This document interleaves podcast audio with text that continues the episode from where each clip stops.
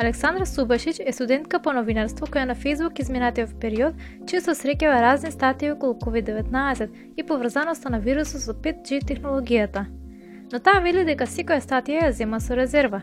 Го проверува изворот на информацијата, па потоа решава да ја сподели со својот круг на познаници на социјалните мрежи. Прво да го проверувам изворот на информацијата или а, чекам некој надлежен орган да ја потврди веста, евентуално да ја сподели некој по поверодостоен медиум. А, пред да пред да бидам сигурна дека веста е точна, не ја споделувам, мислам дека е дека тоа е нешто што е најважно. Според Субашич, потrebno е многу повеќе да се работи на едукација, бидејќи, како што вели, луѓето и да знаат да ја препознаат дезинформацијата, тие не знаат каде да ја пријават. А, мислам дека секој треба да е свесен а, пред да сподели нешто, каква реакција тоа ќе има ќе има врз а, јавното мислење и врз мислењето на, на граѓаните. А, и мислам дека нашето општество, односно на, на, обит, на обичните луѓе, им е потребна поголема едукација во, во делот на дезинформациите како тие да се распознаваат. Е, едноставно мислам дека на нашето општество му фали поголемо образование во тој дел. Ова не потикна да провериме каква е состојбата кај македонската публика, односно колку социјално се дистанцираме од невистините информации, дали сме свесни за одговорноста што ја сносиме при нивно споделување и постои ли лек за дезинформации. Слободан Јачевски доаѓа од малку поинако средина, но кај исто така многу зависи од проверката на факти. Станува збор за македонското издание на Википедија – Тој вели дека самата заедница низ годиниви успеала да изгради култура на проверка и презентирање на факти и аргументи. Па од број 1 осомничен за генерирање лажни вести, оваа платформа прерасна меѓу порелевантните извори за информација. Со текот на времето и со процесите кои што ги изради самата заедница, точно наслучени кон оваа проверка на веродостојност, цитирање на извори, цитирање на релевантни извори уште повеќе. Самата заедница изгради култура на дебата, на проверливост, на една сериозност кон пристапување кон информациите, чисто поради самиот факт што самата заедница е во интерес, бидејќи вложуваат луѓето многу време, доста енергија да ги пишуваат тие статии, нели се тоа на волонтерска база, И за со текот на времето, значи, оваа дебата на мислење на цитирани извори, да ја смести Википедија во некој од порелевантните извори во моментов. Но како што постои вирус, постојат и супер широчи на вирусот, забележува Јачевски. А тоа според него најчесто се корисници со голем број следбеници, кои свесно или не споделуваат дезинформации и го шират вирусот наоколу. Сепак, тој не мисли дека овој проблем може да се реши лесно, но барем би се намалил ефектот ако се воведат елементи на медиумската писменост во основно и средно образование. Ние имаме одговорност да културираме оваа култура на вистинитост и на, на, на социјална вредност. Гледате дека некој шири постојано лаги или шири дезинформација и паника, ваша одговорност е да му кажете дека тоа не е точно или правилно. Веќе на крајот на денот, а, овие корисници во, во ште, прават штета во, во целиот систем. Но штети не прават само дезинформации поврзани со политика. Според Филип Стојановски од фундацијата Метаморфозис, тие некогаш може да се користат и за комерцијални цели.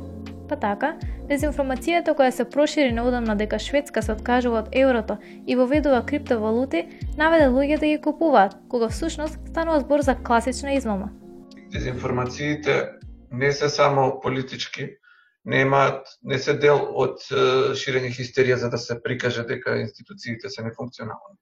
Току често таквите дезинформации, како на пример овие за 5G и слично, одат во комбинација со профитабилни дезинформации за некого, за продавање на лекови, за исцелители, за разни квази научни, а, како се вика, а, надри лекари и слично, кои што нудат своји услуги, кои што во основа се измама, а се дел од целиот тој екосистем на дезинформирање. Но тоа го забележува и ке самите медиуми, кога ќе објават нешто неточно.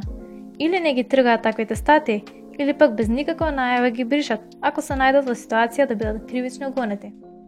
Ова луѓето го гледаат и го имитираат, вели Стојановски. Според него, лекцијата дека човечке да се сгреши и дека треба да се признае е заемна.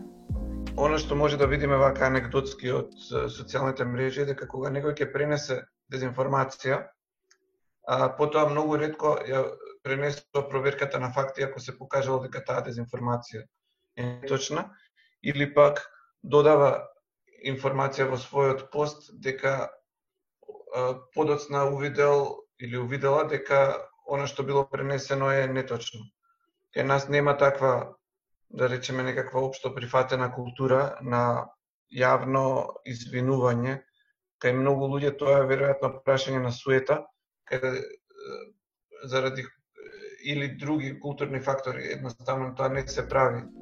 За да дојдеме до лекот против дезинформациите, предстои голем предизвик – промена на навики и поставување нов систем на вредности.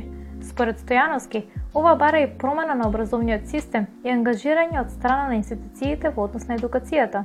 Би било супер кога граѓаните би се вклучиле уште повеќе во таа борба за поетички медиумски простор, со тоа што ќе бидат свесни дека со својата улога и тие се еден вид медиум и преносител на содржините.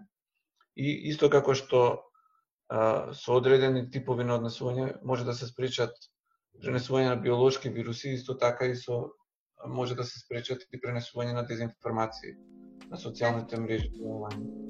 Јаджевски од друга страна пак вели дека се обидува принципот од Википедија да го престики на своите социјални профили, Иако признава, тоа не секогаш функционира целосно. Многу луѓе ми викаат, а зашто им објаснуваш така натаму?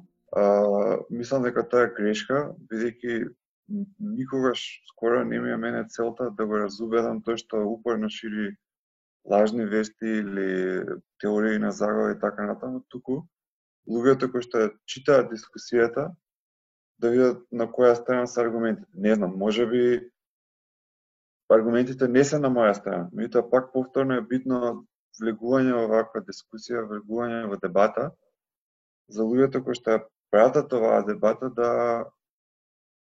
добро, дел од луѓето нема да ги разберете со никакви аргументи, меѓутоа дел од луѓето кои што да речеме се мислат дали е нешто точно или не, ќе ги разубедите во а, силината на вашите аргументи. Наспроти барањата на Стојановски и Јачевски, реалноста е друга. Студентката по новинарство Субешич вели дека на факултетите нема доволно практични примери за препознавање на дезинформации. На факултетот често пак дел од професорите кои се или имаат работено како новинари ги посачуваат дека од големо значење ние како едни новинари да ги проверуваме информациите, ако треба и по по пет пати буквално, а, да бидеме сигурни дека ја споделуваме вистината, бидејќи мислам дека новинарите, новинарите имаат голем модел во формирањето на, на јавното мислење. Но се уште не, а, не постои предмет кој кој буквално а, не едуцира како како да ги да ги разпознаваме а, лажните вести. На крај останува прашањето да се кликне или не одреден напис и дали да се сподели на својот социјален профил. Нашите соговорници се одлучни. Прво провери, а потоа раскажи. Оваа содржина е изработена со помош на Европската Унија во рамките на проектот за младинско изразување. За објавените содржини е одговорен Младинскиот образовен форум и истите нужно не ги одразуваат ставовите на Европската Унија.